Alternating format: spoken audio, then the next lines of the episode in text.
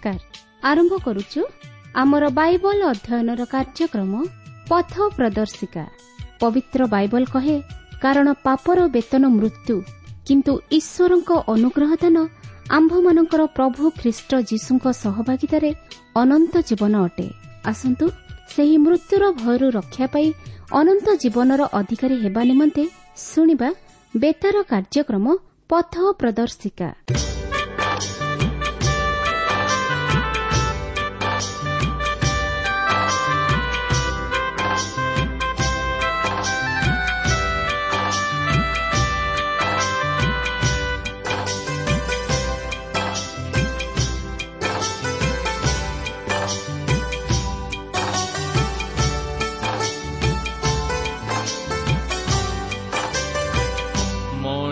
ମଣିଷ ଜୀବନ ପାଣିର ଫୋଟ ଏଇ ଅଛି ଏଇ ନାହିଁ ତଥାପି କାହିଁକି ସିଏ ତ ବୁଝେ ତଥାପି କାହିଁକି ସିଏ ତ ବୁଝେ ନା ପ୍ରଭୁ ଏକା ତାର ମଣିଷ ଜୀବନ ପାଣିର ଫୋଟ ଏଇ ଅଛି ଏଇ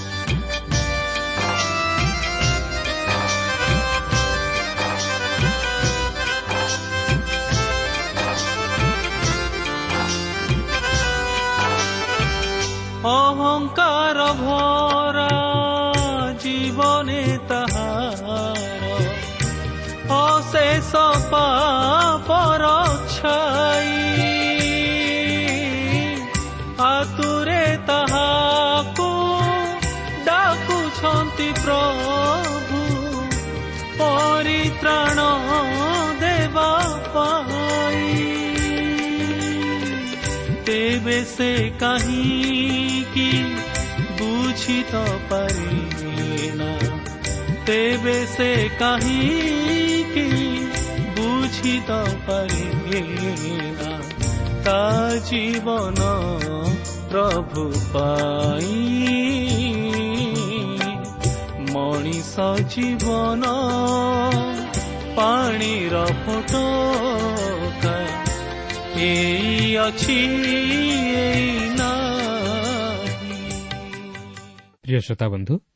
ଆଜିର ଏହି ଶୁଭ ଅବସରରେ ଆମମାନଙ୍କର ଉଦ୍ଧାରକର୍ତ୍ତା ତଥା ମୁକ୍ତିଦାତା ପ୍ରଭୁ ଶ୍ରୀକୃଷ୍ଣଙ୍କ ବହୁମୂଲ୍ୟ ନାମରେ ଶୁଭେଚ୍ଛା ଜଣାଇ ଆଜିର ଏହି ପଥ ପ୍ରଦର୍ଶିକାକୁ ଆପଣଙ୍କୁ ସ୍ୱାଗତ ଜଣାଏ। ଆପଣ ଏହି କାର୍ଯ୍ୟକ୍ରମର ଜଣେ ନିୟମିତ ଶ୍ରୋତା ଜାଣି ଆମେ ବିଶେଷ ଖୁସି ପ୍ରଭୁଙ୍କ ନାମକୁ ଧନ୍ୟବାଦ ଦେଉ। ଆପଣଙ୍କର ଆଗ୍ରହକୁ ଦେଖି ମଧ୍ୟ ଆମେ ବିଶେଷ ଆନନ୍ଦିତ। ପ୍ରଭୁ ଆପଣଙ୍କୁ ଆଶୀର୍ବାଦ କରନ୍ତୁ ଆହୁରି ଆହୁରି ଆତ୍ମିକ ଜୀବନରେ ବର୍ଦ୍ଧିଷ୍ଣୁ କରାନ୍ତୁ।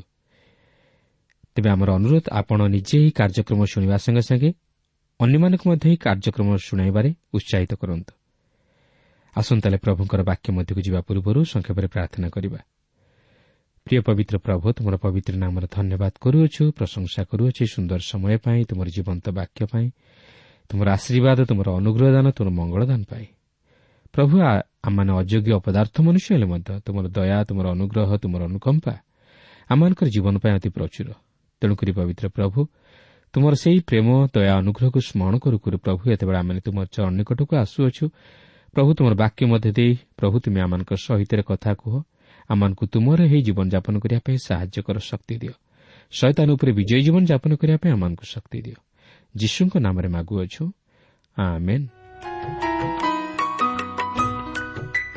ଆସନ୍ତୁ ବର୍ତ୍ତମାନ ଆମେ ଈଶ୍ୱରଙ୍କର ବାକ୍ୟ ମଧ୍ୟକୁ ଯିବା। ଆଜି ଆମେ ଦ୍ୱିତୀୟ ବଂଶାବଳୀ ପୁସ୍ତକର ତିରିଶ ପର୍ବରୁ ଆରମ୍ଭ କରି ବତିଶ ପର୍ବ ପର୍ଯ୍ୟନ୍ତ ଅଧ୍ୟୟନ କରିବା ନିମନ୍ତେ ଯିବା। ତେବେ ଏଠାରେ ମୁଁ ଆପଣଙ୍କୁ ସ୍ମରଣ କରାଇଦିଏ ଯେ ଆମମାନେ ହିଜକଙ୍କ ବିଷୟ ନେଇ ଅଧ୍ୟୟନ କରୁଅଛୁ। ଆଉ ଆଜି ମଧ୍ୟ ଏହି ଅଂଶରେ ଆମେ ହିଜକଙ୍କ ବିଷୟ ନେଇ ଆଉ କେତେକ ଚମତ୍କାର ବିଷୟ ଲକ୍ଷ୍ୟ କରିବା ପାଇଁ ଯିବା। ଏଠାରେ ଆଉ ଏକ ଚମତ୍କାର ବିଷୟ ହିଜକୀୟ ସାଧନ କରୁଅଛନ୍ତି। ଆପଣଙ୍କର ମନେଥିବ ଯେ ତାହାଙ୍କର ପିତା ଉତ୍ତର ରାଜ୍ୟ ଇସ୍ରାଏଲ୍ ସହିତ ଯୁଦ୍ଧ କରିଥିଲେ ଓ ସେହି ଜିହୁଦା ରାଜ୍ୟ ମଧ୍ୟରୁ ଅନେକ ବନ୍ଦୀ ହୋଇଯାଇଥିଲେ ଆପଣ ବୋଧେ ଭାବୁଥିବେ ଯେ ହିଜକୀୟ ତହିଁର ପ୍ରତିଶୋଧ ନେବାର ମନୋଭାବ ରଖି ସିଂହାସନର ଅଧିକାରୀ ହୋଇଥିବେ।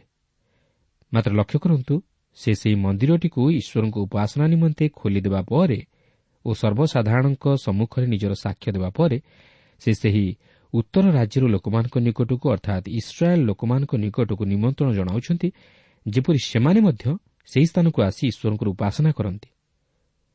ବାସ୍ତବରେ କି ମହାନ ହୃଦୟ ତାହାଙ୍କର। ତିରିଶ ପର୍ବର ଦୁଇ ପଦରେ ଲେଖା ଅଛି କାରଣ ରାଜା ତାଙ୍କର ଅଧିପତିମାନେ ଓ ଜିରୁସାଲାମସ୍ଥ ସମଗ୍ର ସମାଜ ଦ୍ୱିତୀୟ ମାସରେ ନିସ୍ତାର ପର୍ବ ପାଳନ କରିବା ପାଇଁ ମନ୍ତ୍ରଣା କରିଥିଲେ। ଗଣନା ନଅ ପର୍ବର ଦଶ ପଦରୁ ଏଗାର ପଦ ମଧ୍ୟରେ ପ୍ରଥମ ମାସ ପରିବର୍ତ୍ତେ ଦ୍ୱିତୀୟ ମାସରେ ସେହି ନିସ୍ତାର ପର୍ବ ପାଳନ କରିବା ନିମନ୍ତେ ଅଧିକାର ଦିଆଯାଇଥିବାର ଆପଣ ଲକ୍ଷ୍ୟ କରିବାକୁ ପାରିବେ। ଯଦିଓ ଉତ୍ତର ରାଜ୍ୟର ଲୋକମାନଙ୍କ ନିକଟକୁ ହିଜକୀୟ ଯେଉଁ ନିମନ୍ତ୍ରଣ ପଠାଇଥିଲେ ତାହା କେତେକଙ୍କ ଦ୍ୱାରା ଅଗ୍ରାହ୍ୟ ହୋଇଥିଲା ମାତ୍ର ତଥାପି ସେମାନଙ୍କ ମଧ୍ୟରୁ ଅନେକ ସେହି ନିମନ୍ତ୍ରଣ ରକ୍ଷା କରି ସେମାନଙ୍କର ଭାଇମାନଙ୍କ ସହିତ ସେହି ନିସ୍ତାର ପର୍ବ ପାଳନ କରିବା ନିମନ୍ତେ ଜିରୁସାଲମ୍କୁ ଆସିଥିଲେ ଯାହାକି ଆମେ ତିନି ପଦରୁ ଆରମ୍ଭ କରି ଚଉଦ ପଦ ମଧ୍ୟରେ ଲକ୍ଷ୍ୟ କରିବାକୁ ପାରୁଅଛୁ। ଏହାପରେ ତିରିଶ ପର୍ବର ପନ୍ଦରରୁ ସତର ପଦ ମଧ୍ୟରେ ଏହିପରି ଲେଖା ଅଛି ଏଉତାରେ ସେମାନେ ଦ୍ୱିତୀୟ ମାସର ଚତୁର୍ଦ୍ଦଶ ଦିନରେ ନିସ୍ତାର ପର୍ବର ବଳିବଦ୍ଧ କଲେ। ତହିଁରେ ଯାଜକମାନେ ଓ ଲେବିୟମାନେ ଲଜ୍ଜିତ ହୋଇ ଆପଣାମାନଙ୍କୁ ପବିତ୍ର କଲେ ଓ ସଦାପ୍ରଭୁଙ୍କ ଗୃହକୁ ହୋମବଳି ଆଣିଲେ। ଆଉ ସେମାନେ ପରମେଶ୍ୱରଙ୍କ ଲୋକ ମୂଷାଙ୍କର ବ୍ୟବସ୍ଥାନୁସାରେ ଶ୍ରେଣୀକ୍ରମେ ଆପଣା ଆପଣା ସ୍ଥାନରେ ଠିଆ ହେଲେ ଯାଜକମାନେ ଲେବିୟମାନଙ୍କ ହସ୍ତରୁ ରକ୍ତ ଗ୍ରହଣ କରି ସେଚନ କଲେ କାରଣ ସମାଜ ମଧ୍ୟରେ ଅନେକ ଲୋକ ଆପଣାମାନଙ୍କୁ ପବିତ୍ର କରିନଥିଲେ ଏହେତୁ ସଦାପ୍ରଭୁଙ୍କ ଉଦ୍ଦେଶ୍ୟରେ ପବିତ୍ର କରିବାକୁ ପ୍ରତ୍ୟେକ ଅସୁଚୀ ଲୋକ ନିମନ୍ତେ ନିସ୍ତାର ପର୍ବର ବଳି ବଧ କରିବାର ଭାର ଲେବିୟମାନଙ୍କ ଉପରେ ଥିଲା। ତେବେ ଏପରି କରିବାର କାରଣ ହେଉଛି ଯେ ଇସ୍ରାଏଲ୍ ମଧ୍ୟରୁ ଅନେକ ଲୋକ ଆସିଥିଲେ ସେହି ନିସ୍ତାର ପର୍ବ ପାଳନ କରିବା ନିମନ୍ତେ। କିନ୍ତୁ ସେମାନଙ୍କ ମଧ୍ୟରୁ କେତେକ ସୂଚୀ ହୋଇନଥିଲେ ତେଣୁକରି ସେମାନଙ୍କୁ ସୂଚୀ ହେବାକୁ ଥିଲା। ତିରିଶ ପର୍ବର ଅଠରରୁ କୋଡ଼ିଏ ପଦ ମଧ୍ୟରେ ଲେଖା ଅଛି ଅସଂଖ୍ୟ ଲୋକ ଅର୍ଥାତ୍ ଇଫ୍ରାଇମ୍ ଓ ମନସି ଇସାଖର ଓ ସବଲୁନ୍ ମଧ୍ୟରୁ ଅନେକ ଆପଣମାନଙ୍କୁ ସୂଚୀ କରିନଥିଲେ ତଥାପି ସେମାନେ ଲେଖାର ବିପରୀତରେ ନିସ୍ତାର ପର୍ବର ବଳି ଭୋଜନ କଲେ କାରଣ ହିଜକୀୟ ସେମାନଙ୍କ ନିମନ୍ତେ ପ୍ରାର୍ଥନା କରି ଏହା କହିଥିଲେ ଯେ କେହି ପରମେଶ୍ୱରଙ୍କର ସଦାପ୍ରଭୁ ଆପଣା ପୈତୃକ ପରମେଶ୍ୱରଙ୍କର ଅନ୍ୱେଷଣ କରିବା ପାଇଁ ଅନ୍ତଃକରଣ ନିବିଷ୍ଟ କରେ ସେ ଧର୍ମଧାମର ଶୌଚବିଧି ଅନୁସାରେ ସୂଚୀ ନୋହିଲେ ହେଁ ମଙ୍ଗଳମୟ ସଦାପ୍ରଭୁ ତାହାକୁ କ୍ଷମା କରନ୍ତୁ ପୁଣି ସଦାପ୍ରଭୁ ହିଜକୀୟଙ୍କର ବାକ୍ୟରେ କର୍ଣ୍ଣପାତ କଲେ ଓ ଲୋକମାନଙ୍କୁ ସୁସ୍ଥ କଲେ। ଏହା ଅତି ସୁନ୍ଦର ବିଷୟ ଯାହାକି ହିଜକୀୟ କରିଥିଲେ। ଯେତେବେଳେ ସେ ଉତ୍ତର ରାଜ୍ୟ ଇସ୍ରାଏଲ୍ର ଲୋକମାନଙ୍କ ନିକଟକୁ ନିମନ୍ତ୍ରଣ ପତ୍ର ପଠାଇଲେ ସେତେବେଳେ ବିଭିନ୍ନ ଗୋଷ୍ଠୀ ମଧ୍ୟରୁ ଅନେକ ସେହି ନିସ୍ତାର ପର୍ବ ପାଳନ କରିବା ନିମନ୍ତେ ଜିରୁସାଲମ୍କୁ ଆସିଲେ। କିନ୍ତୁ ଆପଣ ଦେଖନ୍ତୁ ଏହି ଲୋକମାନେ ସେମାନଙ୍କର ଜୀବନର ସମସ୍ତ ସମୟ ଈଶ୍ୱରଙ୍କ ବାକ୍ୟ ବିହୀନ ହୋଇ ରହିଥିଲେ। ସେମାନେ ସେହି ଉତ୍ତର ରାଜ୍ୟରେ ପ୍ରତିମା ପୂଜାର ସ୍ଥାନରେ ବାସ କରି ଆସୁଥିଲେ। କିନ୍ତୁ ତଥାପି ଈଶ୍ୱରଙ୍କର ସେବା କରିବା ନିମନ୍ତେ ସେମାନଙ୍କ ମନରେ କ୍ଷୁଧା ଓ ତୃଷା ଥିଲା ଓ ତାହାଙ୍କର ବାଧ୍ୟ ହେବା ନିମନ୍ତେ ମଧ୍ୟ ସେମାନେ ଚାହୁଁଥିଲେ। ଯେତେବେଳେ ସେମାନେ ସେହି ପର୍ବ ପାଳନ କରିବା ନିମନ୍ତେ ଆସିଲେ ସେତେବେଳେ ସେମାନଙ୍କର ହୃଦୟକୁ ପ୍ରସ୍ତୁତ କରିବା ନିମନ୍ତେ ସେମାନଙ୍କୁ ସୂଚୀ ହେବାକୁ ଥିଲା କିନ୍ତୁ ସେମାନେ ତାହା କରିନଥିଲେ। ସେମାନେ ଯେ ସୂଚୀ ହେବାକୁ ଥିଲା ତାହା ନ ଜାଣି ସେମାନେ ଯାଇ ସେହି ନିସ୍ତାର ପର୍ବର ଭୋଜ ଭୋଜନ କଲେ। ଯେତେବେଳେ ଏହି ବିଷୟ ହିଜକୀୟ ଜାଣିବାକୁ ପାରିଲେ ସେ ସେମାନଙ୍କ ନିମନ୍ତେ ପ୍ରାର୍ଥନା କଲେ। ସଦାପ୍ରଭୁ ମଧ୍ୟ ଅତି ଉତ୍ତମ। ସେ ହିଜକୀୟଙ୍କର ପ୍ରାର୍ଥନା ଶୁଣି ଲୋକମାନଙ୍କୁ ସୁସ୍ଥ କଲେ। ଏହା କ'ଣ ଏକ ସୁନ୍ଦର ବିଷୟ ନୁହେଁ କି? ସେମାନେ ସଦାପ୍ରଭୁଙ୍କର ଅନ୍ୱେଷଣ କରୁଥିଲେ ମାତ୍ର ସେମାନେ ଜାଣିନଥିଲେ ଯେ ସେମାନଙ୍କୁ ସୂଚୀ ହେବାକୁ ଥିଲା। ସେମାନେ କିଛି ଜାଣିପାରିଲେ ନାହିଁ। ମାତ୍ର ହିଜକୀୟଙ୍କର ପ୍ରାର୍ଥନା ସେମାନଙ୍କୁ ଈଶ୍ୱରଙ୍କ କ୍ରୋଧରୁ ବଞ୍ଚିତ କଲା। ଏଥିରୁ ଜଣାଯାଏ ଯେ ଆମମାନଙ୍କର ପୂଜା ଆରାଧନା ବା ପର୍ବ ପାଳନ ଗୁରୁତ୍ୱପୂର୍ଣ୍ଣ ନୁହେଁ ମାତ୍ର ଆମମାନଙ୍କର ସୂଚୀ ହୃଦୟ ଗୁରୁତ୍ୱପୂର୍ଣ୍ଣ। ଯେହେତୁ ଈଶ୍ୱର ଆମମାନଙ୍କର ହୃଦୟକୁ ନିରୀକ୍ଷଣ କରନ୍ତି ବାସ୍ତବରେ ଏଠାରେ ଆମମାନଙ୍କୁ କେତେ ଚମତ୍କାର ଶିକ୍ଷା ମିଳେ।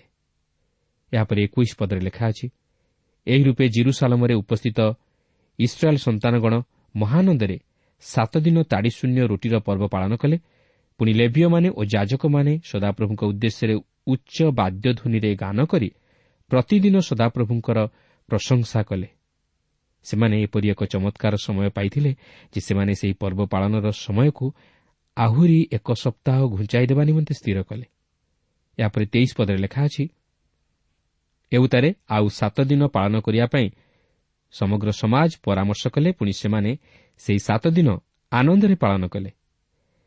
ଏହା ଥିଲା ମହାନନ୍ଦର ସମୟ। ସେମାନେ ମହାନନ୍ଦର ସହିତ ଈଶ୍ୱରଙ୍କ ପ୍ରତି ଓ ତାହାଙ୍କର ବାକ୍ୟ ପ୍ରତି ଫେରିଲେ। ଛବିଶ ସତେଇଶ ପଦରେ ଲେଖା ଅଛି ଏହି ରୂପେ ଜିରୁସାଲମରେ ମହାନନ୍ଦ ହେଲା କାରଣ ଇସ୍ରାଏଲ୍ର ରାଜା ଦାଉଦଙ୍କର ପୁତ୍ର ସଲମନଙ୍କ ସମୟଠାରୁ ଜିରୁସାଲମରେ ଏପରି ଆଉ ହୋଇନଥିଲା ଏଉତାରେ ଲିବିୟ ଯାଜକମାନେ ଉଠି ଲୋକମାନଙ୍କୁ କଲ୍ୟାଣ କଲେ ପୁଣି ସେମାନଙ୍କ ରବରେ ମନୋଯୋଗ କରାଗଲା ଓ ସେମାନଙ୍କ ପ୍ରାର୍ଥନା ତାହାଙ୍କ ପବିତ୍ର ବାସସ୍ଥାନ ସ୍ୱର୍ଗ ପର୍ଯ୍ୟନ୍ତ ପ୍ରବେଶ କଲା। ବାସ୍ତବରେ ଏହା ଏକ ମହାନ କାର୍ଯ୍ୟ ଥିଲା। ଲକ୍ଷ୍ୟ କରନ୍ତୁ ହିଜକିୟଙ୍କ ପ୍ରତି। ତାହାଙ୍କର ପିତା ଆହସ ପ୍ରତିମା ପୂଜାକୁ ନିଜ ରାଜ୍ୟରେ ମୁଖ୍ୟ ସ୍ଥାନ ଦେଇଥିଲେ। ମାତ୍ର ହିଜକୀୟ ବର୍ତ୍ତମାନ ଜିହୁଦା ରାଜ୍ୟକୁ ଈଶ୍ୱରଙ୍କ ପୂଜା ଆରାଧନାର ମୁଖ୍ୟ ସ୍ଥାନ ରୂପେ ପ୍ରତିଷ୍ଠିତ କରାଉଛନ୍ତି। ବାସ୍ତବରେ ଏ କ୍ଷେତ୍ରରେ ହିଜକୀୟଙ୍କର ଅବଦାନ ଉଲ୍ଲେଖନୀୟ। ଆସନ୍ତୁ ବର୍ତ୍ତମାନ ଏକତିରିଶ ପର୍ବ ମଧ୍ୟକୁ ଯିବା। ଏହି ଘଟଣା ପରେ ସେହି ରାଜ୍ୟରେ ଏକ ମହାନ ପରିବର୍ତ୍ତନ ଘଟିଲା। ହିଜକୀୟ ହେଉଛନ୍ତି ସେହି ବ୍ୟକ୍ତି ଯିଏକି ଏହି ସମସ୍ତର ନେତୃତ୍ୱ ନେଇଥିଲେ। ଏକତିରିଶ ପର୍ବର ପ୍ରଥମ ପଦରେ ଲେଖା ଅଛି ଏହିସବୁ ସମାପ୍ତ ହେଲା ଉତ୍ତାରେ ଉପସ୍ଥିତ ସମଗ୍ର ଇସ୍ରାଏଲ୍ ଜିହୁଦାର ନଗରମାନଙ୍କୁ ଯାଇ ସ୍ତମ୍ଭ ସବୁ ଭାଙ୍ଗି ପକାଇଲେ ଓ ଆଶରା ମୂର୍ତ୍ତିମାନ କାଟି ପକାଇଲେ। ପୁଣି ନିଶେଷରେ ବିନାଶ ନ କରିବା ପର୍ଯ୍ୟନ୍ତ ସମସ୍ତ ଜିହୁଦା ଓ ବିନାମିନ୍ ମଧ୍ୟରୁ ଆହୁରି ଇଫ୍ରାଇମ୍ ଓ ମନସିରେ ସ୍ଥିତ ଉଚ୍ଚସ୍ଥଳୀ ଓ ଯଜ୍ଞବିଧି ସବୁ ଭାଙ୍ଗି ପକାଇଲେ। ତହୁଁ ଇସ୍ରାଏଲ୍ ସନ୍ତାନଗଣର ପ୍ରତ୍ୟେକ ଲୋକ ଆପଣା ଆପଣା ଅଧିକାର ଓ ନଗରକୁ ଫେରିଗଲେ। ଏହିପରି ଭାବରେ ହିଜକୀୟ ଦେଶ ମଧ୍ୟରୁ ପ୍ରତିମା ପୂଜା ଦୂର କଲେ।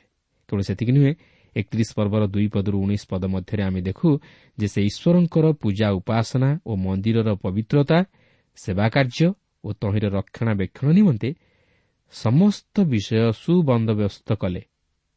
ଓ ଈଶ୍ୱରଙ୍କର ଉପାସନାକୁ ମୁଖ୍ୟ ସ୍ଥାନ ଦେଲେ।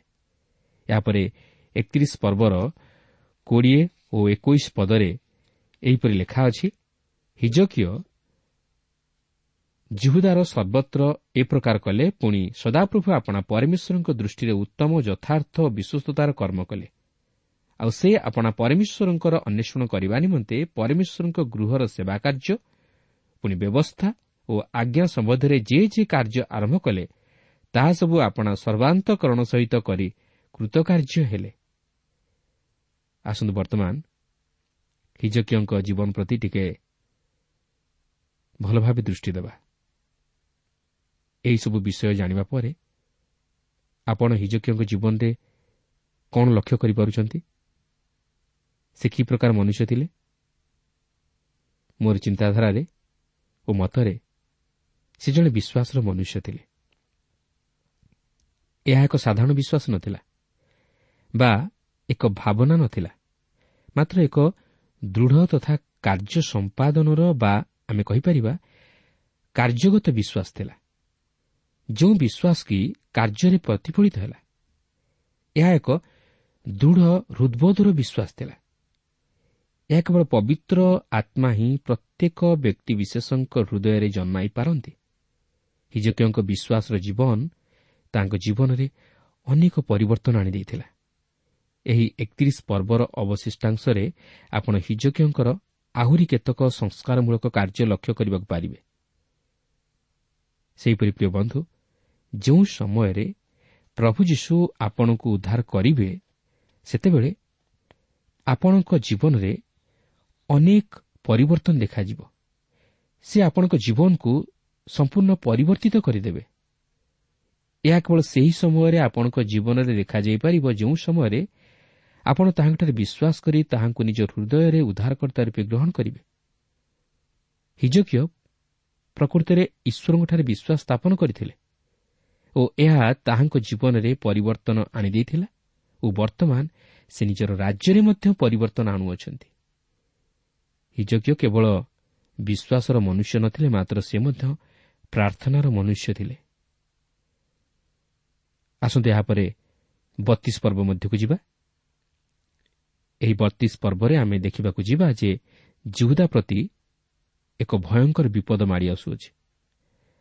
ସନ୍ହେରିବ୍ ଅସୁର ଦେଶରୁ ଆସି ପୁନର୍ବାର ଜିରୁସାଲମ ଉପରେ ଆକ୍ରମଣ କରିବା ନିମନ୍ତେ ପ୍ରସ୍ତୁତ ହେଉଛି ଓ ଲୋକମାନଙ୍କୁ ଭୟ ଦେଖାଇବାକୁ ଯାଉଅଛି। ଦେଖନ୍ତୁ ବତିଶ ପର୍ବର ପ୍ରଥମ ପଦରେ ଏପରି ଲେଖା ଅଛି। ଏହି ସକଳ ଘଟଣା ଓ ଏହି ବିଶ୍ୱସ୍ତତାର କର୍ମ ଉତ୍ତାରେ ଅସୁରର ରାଜା ସନ୍ହେରିବ୍ ଆସି ଜିହୁଦାରେ ପ୍ରବେଶ କଲା ଓ ପ୍ରାଚୀର ବେଷ୍ଟିତ ନଗର ବିରୁଦ୍ଧରେ ଛାଉଣି ସ୍ଥାପନ କରି ତାହା ସବୁ ଆପଣା ପାଇଁ ଲାଭ କରିବାକୁ ବିଚାର କଲା। ମାତ୍ର ଆମେ ଦେଖୁଛୁ ଯେ ହିଜକିଓ ତାହାଙ୍କର ନଗରବାସୀଙ୍କୁ ସାହସ ଦେଇ ନଗରକୁ ସୁରକ୍ଷା ପ୍ରଦାନ କଲେ। ମାତ୍ର ଈଶ୍ୱରଙ୍କଠାରେ ତାହାଙ୍କର ଦୃଢ଼ ବିଶ୍ୱାସ ସ୍ଥାପନ କଲେ। ସେ ଲୋକମାନଙ୍କୁ ମଧ୍ୟ ଈଶ୍ୱରଙ୍କଠାରେ ନିର୍ଭର ରଖିବା ପାଇଁ କହିଲେ ଯାହାକି ଆମେ ଦୁଇ ପଦରୁ ଛଅ ପଦ ମଧ୍ୟରେ ଲକ୍ଷ୍ୟ କରୁଅଛୁ। ଏହାପରେ ବତିଶ ପର୍ବର ସାତରୁ ଆଠ ପଦରେ ଲେଖା ଅଛି ବଳବାନ ଓ ସାହସିକ ହୁଅ ଅସୁରର ରାଜା ଓ ତାହାର ସଙ୍ଗୀ ସମସ୍ତ ଜନତା ସକାଶେ ଭୀତ କି ନିରାଶ ନ ହୁଅ କାରଣ ତାହାର ସହାୟ ଅପେକ୍ଷା ଆମ୍ଭମାନଙ୍କ ସହାୟ ମହାନ। ମାଂସର ବାହୁ ତାହାର ସହାୟ। ମାତ୍ର ଆମମାନଙ୍କର ସାହାଯ୍ୟ କରିବାକୁ ଓ ଆମମାନଙ୍କ ପକ୍ଷରେ ଯୁଦ୍ଧ କରିବାକୁ ସଦାପ୍ରଭୁ ଆମମାନଙ୍କ ପରମେଶ୍ୱର ଆମମାନଙ୍କ ସହାୟ ଅଛନ୍ତି। ଏଥିରେ ଲୋକମାନେ ଜିହୁଦା ରାଜା ହିଜକିୟଙ୍କ ବାକ୍ୟରେ ନିର୍ଭର ରଖିଲେ। ଏହା ହିଁ ଥିଲା ହିଜକିୟଙ୍କର ନିର୍ଭରତା। ସେ ମନୁଷ୍ୟ ଉପରେ ନୁହେଁ ମାତ୍ର ଈଶ୍ୱରଙ୍କ ଉପରେ ନିର୍ଭର ରଖିଥିଲେ। କିନ୍ତୁ ଏହାପରେ ଅସୁରର ରାଜା ସନ୍ହେରିବ୍ ତାହାର ଲୋକମାନଙ୍କୁ ପଠାଇ ଈଶ୍ୱରଙ୍କଠାରେ ସେମାନଙ୍କର ନିର୍ଭରତାକୁ ଦୁର୍ବଳ କରିଦେବା ନିମନ୍ତେ ଚେଷ୍ଟା କଲା ଓ ସେମାନଙ୍କୁ ଭୟ ଦେଖାଇଲା। ଦେଖନ୍ତୁ ବତିଶ ପର୍ବର ଚଉଦରୁ ପନ୍ଦର ପଦ ମଧ୍ୟରେ ଏହିପରି ଲେଖା ଅଛି। ମୋ ପିତୃ ଲୋକମାନେ ଯେଉଁ ଗୋଷ୍ଠୀୟମାନଙ୍କୁ ନିଃଶେଷରେ ବିନାଶ କଲେ ସେମାନଙ୍କ ଦେବଗଣ ମଧ୍ୟରୁ କିଏ ଆପଣ ଲୋକକୁ ମୋ ହସ୍ତରୁ ଉଦ୍ଧାର କରିପାରିଅଛି? ଯେ ତୁମାନଙ୍କ ପରମେଶ୍ୱର ତୁମାନଙ୍କୁ ମୋ ହସ୍ତରୁ ଉଦ୍ଧାର କରିପାରିବେ? ଏହେତୁ ହିଜକିୟ ତୁମମାନଙ୍କୁ ନ ଭୁଲାଉ କି ଏରୂପ ନ ମଣାଉ କିମ୍ବା ତୁମେମାନେ ତାହାକୁ ବିଶ୍ୱାସ ନ କର କାରଣ କୌଣସି ଦେଶର କି ରାଜ୍ୟର ଦେବତା ଆପଣା ଲୋକମାନଙ୍କୁ ମୋ ହସ୍ତରୁ ଓ ମୋ ପିତୃ ଲୋକଙ୍କ ହସ୍ତରୁ ଉଦ୍ଧାର କରିପାରି ନାହିଁ। ତେବେ ତୁମାନଙ୍କ ପରମେଶ୍ୱର କି ତୁମାନଙ୍କୁ ମୋ ହସ୍ତରୁ ଉଦ୍ଧାର କରିପାରିବେ? କେବଳ ସେତିକି ନୁହେଁ ସନ୍ହେରି ପତ୍ର ମାଧ୍ୟମରେ ମଧ୍ୟ ସେମାନଙ୍କର ମନୋବଳକୁ ଭାଙ୍ଗିଦେବା ନିମନ୍ତେ ଚେଷ୍ଟା କଲା ଯାହାକି ବତିଶ ପର୍ବର ସତର ପଦରେ ଲେଖା ଅଛି। ମଧ୍ୟ ସେ ସଦାପ୍ରଭୁ ଇସ୍ରାଏଲ୍ର ପରମେଶ୍ୱରଙ୍କର ନିନ୍ଦା କରିବାକୁ ଓ ତାହାଙ୍କ ବିରୁଦ୍ଧରେ କଥା କହିବାକୁ ଏହିପରି ପତ୍ରମାନ ଲେଖିଲା ଯଥା ନାନା ଦେଶୀୟ ଲୋକମାନଙ୍କ ଦେବଗଣ ଯେପରି ଆପଣା ଲୋକମାନଙ୍କୁ ମୋ ହସ୍ତରୁ ଉଦ୍ଧାର କରିନାହାନ୍ତି ସେପରି ହିଜକିୟର ପରମେଶ୍ୱର ଆପଣା ଲୋକମାନଙ୍କୁ ମୋ ହସ୍ତରୁ ଉଦ୍ଧାର କରିବେ ନାହିଁ। ଏହି ବିଷୟ ନେଇ ଆପଣ ଦ୍ୱିତୀୟ ରାଜାବଳୀ ପୁସ୍ତକରେ ଅଧିକ କିଛି ବିବରଣୀ ପାଇପାରିବେ। ଯେତେବେଳେ ହିଜକୀୟ ପତ୍ର ପାଇଲେ ସେ ଈଶ୍ୱରଙ୍କ ଗୃହକୁ ଯାଇ ତାହାଙ୍କ ସମ୍ମୁଖରେ ସନ୍ହେରିବିର ସମସ୍ତ ପତ୍ରଗୁଡ଼ିକ ବିଛାଇଦେଲେ। ତାହାଙ୍କର ସେହି ଚମତ୍କାର ପ୍ରାର୍ଥନା ଦ୍ୱିତୀୟ ରାଜାବଳୀ ଉଣେଇଶ ପର୍ବର ଚଉଦରୁ ଉଣେଇଶ ପଦ ମଧ୍ୟରେ ବର୍ଣ୍ଣିତ ହୋଇଅଛି। ବାସ୍ତବରେ ସେ ଜଣେ ପ୍ରାର୍ଥନାଶୀଳ ବ୍ୟକ୍ତି ଥିଲେ। ଜଣେ ପ୍ରାର୍ଥନାର ଯୋଦ୍ଧା ଥିଲେ। ବତିଶ ପର୍ବର କୋଡ଼ିଏରୁ ବାଇଶ ପଦରେ ଲେଖା ଅଛି ଏଥିରେ ହିଜକୀୟ ରାଜା ଓ ଆମସର ପୁତ୍ର ଜିସାୟ ଏ ସକାଶୁ ପ୍ରାର୍ଥନା କରି ସ୍ୱର୍ଗ ଆଡ଼େ ଡାକ ପକାଇଲେ। ତେବେ ସଦାପ୍ରଭୁ ଏକ ଦୂତ ପ୍ରେରଣ କରି ଅସୁର ରାଜାର ଛାଉଣି ମଧ୍ୟରେ ମହାବିକ୍ରମଶାଳୀ ଲୋକ ସମସ୍ତଙ୍କୁ ଆଉ ପ୍ରଧାନ ଓ ସେନାପତିମାନଙ୍କୁ ଉଚ୍ଛିନ୍ନ କଲେ। ତଳେ ସେ ଲଜ୍ଜିତ ମୁଖ ହୋଇ ଆପଣା ଦେଶକୁ ଫେରିଗଲା। ତହିଁଭୂତାରେ ସେ ଆପଣା ଦେବ ମନ୍ଦିରକୁ ଆସନ୍ତେ ତାହାର କେତେକ ଔରସଜାତ ସେଠାରେ ତାହାକୁ ଖଡ଼ଗରେ ବଧ କଲେ। ଏହି ରୂପେ ସଦାପ୍ରଭୁ ହିଜକିୟଙ୍କୁ ଓ ଜିରୁସାଲାମ ନିବାସୀମାନଙ୍କୁ ଅସୁରର ରାଜା ସନ୍ହେରିଭ ହସ୍ତରୁ ଓ ଅନ୍ୟ ସମସ୍ତଙ୍କ ହସ୍ତରୁ ଉଦ୍ଧାର କଲେ। ପୁଣି ଚତୁର୍ଦିଗରୁ ସେମାନଙ୍କୁ ପଥ ଦେଖାଇଲେ। ହିଜକିୟ ସଦାପ୍ରଭୁଙ୍କଠାରୁ ସାହାଯ୍ୟ ଅପେକ୍ଷା କଲେ ଓ ସଦାପ୍ରଭୁ ଅତି ଆଶ୍ଚର୍ଯ୍ୟ ଭାବରେ ଶତ୍ରୁ ହସ୍ତରୁ ସେହି ନଗରକୁ ରକ୍ଷା କଲେ। କାରଣ ଯେଉଁମାନେ ସଦାପ୍ରଭୁଙ୍କଠାରେ ନିର୍ଭର ରଖିଥାନ୍ତି ସେ ସେମାନଙ୍କୁ କେବେ ହେଲେ ନିରାଶ କରନ୍ତି ନାହିଁ। ସେ ସେମାନଙ୍କୁ ସମସ୍ତ ସମସ୍ୟାରୁ ତଥା ବିପଦରୁ ଉଦ୍ଧାର କରିଥାନ୍ତି। ବର୍ତ୍ତମାନ ହିଜକିୟଙ୍କ ଜୀବନରେ ଏକ ମହାନ ପ୍ରତିବନ୍ଧକ ଆସି ଉପୁଜିଛି ଆଉ ତାହା ହେଉଛି ତାହାଙ୍କର ଶାରୀରିକ ଅସୁସ୍ଥତା। ଦେଖନ୍ତୁ ବତିଶ ପର୍ବର ଚବିଶ ପଦରେ ଏହିପରି ଲେଖା ଅଛି ସେହି ସମୟରେ ହିଜକିୟଙ୍କ ସାଂଘାତିକ ପୀଡ଼ା ହୋଇଥିଲା। ପୁଣି ସେ ସଦାପ୍ରଭୁଙ୍କ ନିକଟରେ ପ୍ରାର୍ଥନା କରନ୍ତେ ସେ ତାଙ୍କୁ ଉତ୍ତର ଓ ଏକ ଚିହ୍ନ ଦେଲେ। ଦ୍ୱିତୀୟ ରାଜାବଳୀ କୋଡ଼ିଏ ପର୍ବରେ ଆମେ ଦେଖିସାରିଛୁ ଯେ ଏହିପରି ଅସୁସ୍ଥତା ସମୟରେ ହିଜକିୟ କାନ୍ଥ ଆଡ଼କୁ ମୁଖ କରି ପ୍ରାର୍ଥନା କଲେ ଓ ସଦାପ୍ରଭୁଙ୍କ ନିକଟରେ କ୍ରନ୍ଦନ କଲେ। ସଦାପ୍ରଭୁ ତାହାଙ୍କର ପ୍ରାର୍ଥନା ଶୁଣି ତାହାଙ୍କୁ ସୁସ୍ଥତା ଦେଲେ ଓ ତାହାଙ୍କର ପରମାୟୁ ଆହୁରି ପନ୍ଦର ବର୍ଷ ବୃଦ୍ଧି କଲେ। ବତିଶ ପର୍ବର ପଚିଶ ଓ ଛବିଶ ପଦରେ ଲେଖା ଅଛି ମାତ୍ର ହିଜକିୟ ଆପଣା ପ୍ରତି କୃତ ମଙ୍ଗଳ ଅନୁସାରେ ପ୍ରତିଦାନ କଲେ ନାହିଁ କାରଣ ତାଙ୍କର ଅନ୍ତଃକରଣ ଗର୍ବିତ ହେଲା। ଏହେତୁ ତାଙ୍କ ଉପରେ ପୁଣି ଜିହୁଦା ଓ ଜିରୁସାଲମ ଉପରେ କୋପ ଉପସ୍ଥିତ ହେଲା। ତଥାପି ଆପଣା ଅନ୍ତଃକରଣର ଗର୍ବ ସକାଶୁ ହିଜକିୟ ଓ ଜିରୁସାଲମ ନିବାସୀମାନେ ଆପଣାମାନଙ୍କୁ ନମ୍ର କଲେ। ତେଣୁ ହିଜକିୟଙ୍କର ସମୟରେ ସେମାନଙ୍କ ଉପରେ ସଦାପ୍ରଭୁଙ୍କ କୋପ ଉପସ୍ଥିତ ହେଲା ନାହିଁ। ଆହସ୍କ ରାଜତ୍ୱ କାଳରେ ଜିହୁଦା ରାଜ୍ୟ ଅତି ଦରିଦ୍ରାବସ୍ଥାକୁ ଚାଲିଆସିଥିଲା ମାତ୍ର ବର୍ତ୍ତମାନ ହିଜକିୟଙ୍କ ରାଜତ୍ୱ ସମୟରେ ଏହା ଧନଶାଳୀ ହେବାକୁ ଲାଗିଲା। ଧନ ସମ୍ପଦରେ ପରିପୂର୍ଣ୍ଣ ହେଲା। ସେଥିପାଇଁ ସେମାନଙ୍କର ମନ ମଧ୍ୟରେ ଅହଙ୍କାର ଭାବ ଆସିଲା। ଏହାପରେ ଦେଖନ୍ତୁ ବତିଶ ପର୍ବର ସତେଇଶରୁ ତିରିଶ ପଦ ମଧ୍ୟରେ ଲେଖା ଅଛି ଆଉ ହିଜକିୟଙ୍କର ଅତି ପ୍ରଚୁର ସମ୍ପଦ ଓ ସମ୍ଭ୍ରମ ଥିଲା ପୁଣି ସେ ରୂପା ଓ ସୁନା ଓ ବହୁମୂଲ୍ୟ ପ୍ରସ୍ତର ଓ ସୁଗନ୍ଧି ଦ୍ରବ୍ୟ ଓ ଢାଲ ଓ ସର୍ବପ୍ରକାର ମନୋହର ପାତ୍ର ନିମନ୍ତେ ଭଣ୍ଡାର ପ୍ରସ୍ତୁତ କଲେ। ମଧ୍ୟ ଉତ୍ପନ୍ନ ଶସ୍ୟ ଓ ଦ୍ରାକ୍ଷାରସ ଓ ତୈଳ ନିମନ୍ତେ ଭଣ୍ଡାର ପୁଣି ସର୍ବପ୍ରକାର ପଶୁ ନିମନ୍ତେ ଶାଳା ଓ ମେଷପଲ ନିମନ୍ତେ ଖୁଆଡ଼ ପ୍ରସ୍ତୁତ କଲେ। ଆହୁରି ସେ ଆପଣା ନିମନ୍ତେ ନାନା ନଗର ଓ ଗୋମେଶାଦି ବିସ୍ତର ପଶୁଧନ ଆୟୋଜନ କଲେ କାରଣ ପରମେଶ୍ୱର ତାଙ୍କୁ ବହୁତ ବହୁତ ସମ୍ପତ୍ତି ଦେଇଥିଲେ। ଏହି ହିଜକୀୟ ମଧ୍ୟ ଗିହୋନ୍ ସ୍ଥିତ ଉଚ୍ଚତର ଜଳଝର ବନ୍ଦ କରି ତାହା ସଡ଼କ ପଥରେ ଦାଉଦ ନଗରର ପଶ୍ଚିମ ପାର୍ଶ୍ୱକୁ ଆଣିଲେ। ପୁଣି ହିଜକୀୟ ଆପଣାର ସମସ୍ତ କାର୍ଯ୍ୟରେ କୃତକାର୍ଯ୍ୟ ହେଲେ। ହିଜକୀୟ ପ୍ରତ୍ୟେକ କ୍ଷେତ୍ରରେ ସଫଳତା ହାସଲ କରିପାରିଥିଲେ। ତଥାପି ତାହାଙ୍କ ଜୀବନରେ କେତେକ ତ୍ରୁଟି ଦେଖାଯାଇଥିଲା ଓ ସେ ଯେପରି ଆପଣା ଅନ୍ତଃକରଣର ସମସ୍ତ ଭାବ ଜାଣିପାରିବେ ଏଥିପାଇଁ ପରମେଶ୍ୱର ତାହାଙ୍କର ପରୀକ୍ଷା ନେବା ସକାଶେ ତାହାଙ୍କୁ ଛାଡ଼ିଦେଲେ।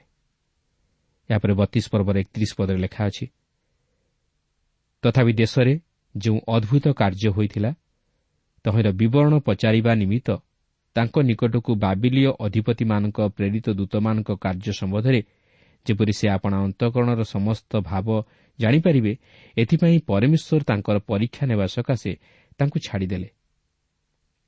ତେବେ ଏପରି କହିବା ମଧ୍ୟ ମୋ ପକ୍ଷରେ ଉଚିତ ନ ହୋଇପାରେ। ମାତ୍ର ହିଜକୀୟ ଯେଉଁ ସମୟରେ ମୃତ୍ୟୁଭୋଗ କରିବାକୁ ଥିଲା ସେହି ସମୟରେ ସେ ମୃତ୍ୟୁଭୋଗ କରିଥିଲେ ତାହାଙ୍କ ପକ୍ଷରେ ତାହା ମଙ୍ଗଳଜନକ ହୋଇଥାନ୍ତା। ମାତ୍ର ଈଶ୍ୱର ତାହାଙ୍କର ପରମାୟୁ ପନ୍ଦର ବର୍ଷ ବୃଦ୍ଧି କରିବା ପରେ ସେ ଯେଉଁ ତିନୋଟି କାର୍ଯ୍ୟ କରିଥିଲେ ସେଗୁଡ଼ିକ ମୂର୍ଖତାର କର୍ମ ଥିଲା। ପ୍ରଥମତଃ ସେ ତାହାଙ୍କର ସମସ୍ତ ଧନ ସମ୍ପଦ ବାବିଲିୟମାନଙ୍କୁ ଦେଖାଇଲେ ଯାହାକି ଭବିଷ୍ୟତରେ ସମସ୍ୟାର କାରଣ ହେଲା। ଦ୍ୱିତୀୟତଃ ସେ ମନସ୍ୟଙ୍କୁ ଜନ୍ମ ଦେଲେ ଯିଏକି ସମସ୍ତ ରାଜାମାନଙ୍କ ଅପେକ୍ଷା ସବୁଠାରୁ ଦୁଷ୍ଟ ରାଜା ଥିଲା। ତୃତୀୟତଃ ସେ ତାହାଙ୍କର ପଛ ଜୀବନରେ ଗର୍ବରେ ପରିପୂର୍ଣ୍ଣ ହେଲେ ଯାହାକି ଏହି ବତିଶ ପର୍ବର ପଚିଶ ପଦରେ ଆମେ ଲକ୍ଷ୍ୟ କରିସାରିଛୁ। ତେଣୁ ମୋର ମତରେ ଈଶ୍ୱରଙ୍କ ନିରୂପିତ ସମୟ ଅନୁଯାୟୀ ଯଦି ହିଜକୀୟ ମୃତ୍ୟୁବରଣ କରିଥାନ୍ତେ ତାହେଲେ ତାହାଙ୍କ ପକ୍ଷରେ ତାହା ଭଲ ହୋଇଥାନ୍ତା। ଶେଷରେ ଆମେ ଦେଖୁ ଯେ ହିଜକୀୟ ମୃତ୍ୟୁବରଣ କଲେ। ବତିଶ ପର୍ବର ବତିଶ ଓ ତେତିଶ ପଦରେ ଏହିପରି ଲେଖା ଅଛି ଏହି ହିଜକୀୟଙ୍କର ଅବଶିଷ୍ଟ ବୃତ୍ତାନ୍ତ ଓ ତାଙ୍କର ସୁକ୍ରିୟା ଜିହୁଦାର ଓ ଇସ୍ରାଏଲ୍ର ରାଜାମାନଙ୍କ ଇତିହାସ ପୁସ୍ତକ ଅନ୍ତର୍ଗତ ଆମୋସର ପୁତ୍ର ଜିସାୟ ଭବିଷ୍ୟତ ବକ୍ତାର ଦର୍ଶନ ପୁସ୍ତକରେ ଲେଖା ଅଛି। ଅନନ୍ତର ହିଜକୀୟ ଆପଣା ପିତୃଲୋକଙ୍କ ସହିତ ଶୟନ କଲେ। ତାହେଲେ ଲୋକମାନେ ଦାଉଦ ସନ୍ତାନଗଣର କବର ସ୍ଥାନର ଊର୍ଦ୍ଧ୍ୱଗାମୀ ପଥ ପାର୍ଶ୍ୱରେ ତାଙ୍କୁ କବର ଦେଲେ। ପୁଣି ତାଙ୍କର ମରଣ ସମୟରେ ସମଗ୍ର ଜିହୁଦା ଓ ଜିରୁସାଲମ ନିବାସୀମାନେ ତାଙ୍କର ସମ୍ମାନ କଲେ। ତହୁଁ ତାଙ୍କର ପୁତ୍ର ମନସୀ ତାଙ୍କର ପଦରେ ରାଜ୍ୟ କଲେ। ଏଠାରେ ଆମେ ଦେଖୁ ଯେ ହିଜକୀୟ ମୃତ୍ୟୁବରଣ କଲେ ଓ ତାହାଙ୍କ ପଦରେ ତାହାଙ୍କର ପୁତ୍ର ମନସୀ ରାଜ୍ୟ କଲେ। କିନ୍ତୁ ଏଠାରେ ମୁଁ ପୁନର୍ବାର କହି ରଖେ ଯେ ହିଜକୀୟଙ୍କ ସମୟରେ ଯେଉଁ ଆତ୍ମିକ ଜାଗରଣ ଆସିଥିଲା ତାହା ଉଲ୍ଲେଖନୀୟ।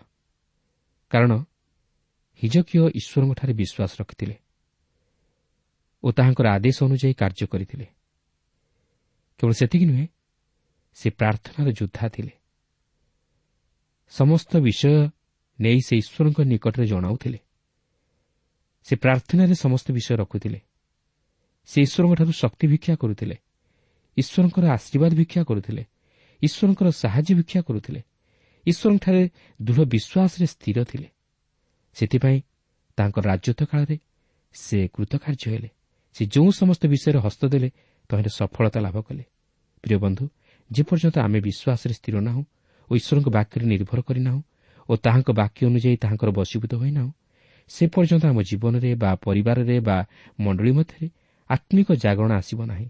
ଏହା ଈଶ୍ୱରଙ୍କର କାର୍ଯ୍ୟ ଯାହାକି ସେ ପବିତ୍ର ଆତ୍ମାଙ୍କ ମଧ୍ୟ ଦେଇ ତାହାଙ୍କର ବାକ୍ୟ ମାଧ୍ୟମରେ ସାଧନ କରିଥାନ୍ତି। ତେଣୁ ଆସୁ ଈଶ୍ୱରଙ୍କ ବାକ୍ୟକୁ ପ୍ରଥମ ସ୍ଥାନ ଦେଇ ଖ୍ରୀଷ୍ଟ ଯୀଶୁଙ୍କଠାରେ ବିଶ୍ୱାସରେ ସ୍ଥିର ରହି ପ୍ରାର୍ଥନାଶୀଳ ଜୀବନଯାପନ କରିବା ନିମନ୍ତେ ଚେଷ୍ଟା କରୁ।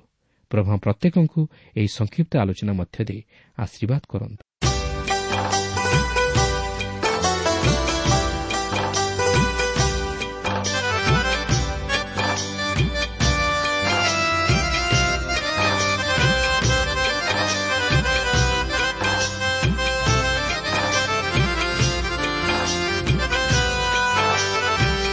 ବକ୍ଷେ ବର୍ଷ ଘାତ କୋରଡ଼ା ପ୍ରହାର। ସହିଲେ ସେ ମଥା ନଇ ଶରୀରଟା ତାଙ୍କ କୃଷେ ଚଢ଼ିଗଲା। ପ୍ରିୟ ଶ୍ରୋତା ଆପଣ ଈଶ୍ୱରଙ୍କ ବାକ୍ୟ ଶୁଣିବା ନିମନ୍ତେ ସମୟ ଦେଇଥିବାରୁ ଆମେ ଧନ୍ୟବାଦୀ। ଆପଣ ଯଦି ପ୍ରଭୁ ଯୀଶୁଙ୍କର ବାକ୍ୟ ବିଷୟରେ ଓ ତାହାଙ୍କର ପ୍ରେମ ବିଷୟରେ ଅଧିକ ଜାଣିବାକୁ ଚାହାନ୍ତି ଯାହାକି ଆପଣଙ୍କୁ ପାପରୁ ଉଦ୍ଧାର ପାଇବା ନିମନ୍ତେ ପଥ ଦେଖାଇବ ତାହେଲେ ଆମ ସହିତ ପତ୍ର ମାଧ୍ୟମରେ ଅଥବା ଟେଲିଫୋନ୍ ଯୋଗେ ଯୋଗାଯୋଗ କରନ୍ତୁ। ଆମର ଠିକଣା ପଥ ପ୍ରଦର୍ଶିକା Trans World Radio India post box number ତିନି ତିନି ଭୁବନେଶ୍ୱର ସାତ ପାଞ୍ଚ ଏକ ଶୂନ ଶୂନ ଏକ। Mobile number nine seven double seven double two one four one five ঠিকাটি আউথরে শুণন্তু পথ প্রদর্শিকা Trans World Radio India post box number three three Bhubaneswar seven five one zero zero one mobile number nine seven double seven double two one four one five আমার email address টি লিখি রাখুন Odia TV radio eight eight two dot com. ତେବେ ଆଜି ପାଇଁ ଏଠାରେ ରଖୁଛୁ। ପ୍ରଭୁ ଯୀଶୁ ଆପଣଙ୍କୁ ଆଶୀର୍ବାଦ କରନ୍ତୁ। ନମସ୍କାର। ସହିଲେ ସେ ମଥା ନଇ ଶରୀରଟା ତାଙ୍କ କୃଷେ ଚଢ଼ିଗଲା। ପାପି ମଣିଷର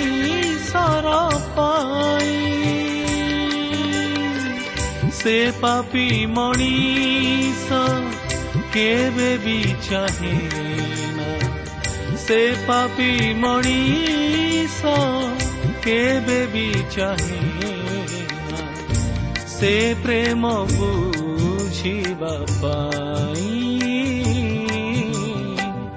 ମଣିଷ ଜୀବନ ପାଣିର ଫଟକା ଏଇ ଅଛି ଏଇ ନାହିଁ ତଥାପି କାହିଁକି ସିଏ ତ ବୁଝେନା ତଥାପି କାହିଁକି ସିଏ ତ ବୁଝେନା ପ୍ରଭୁ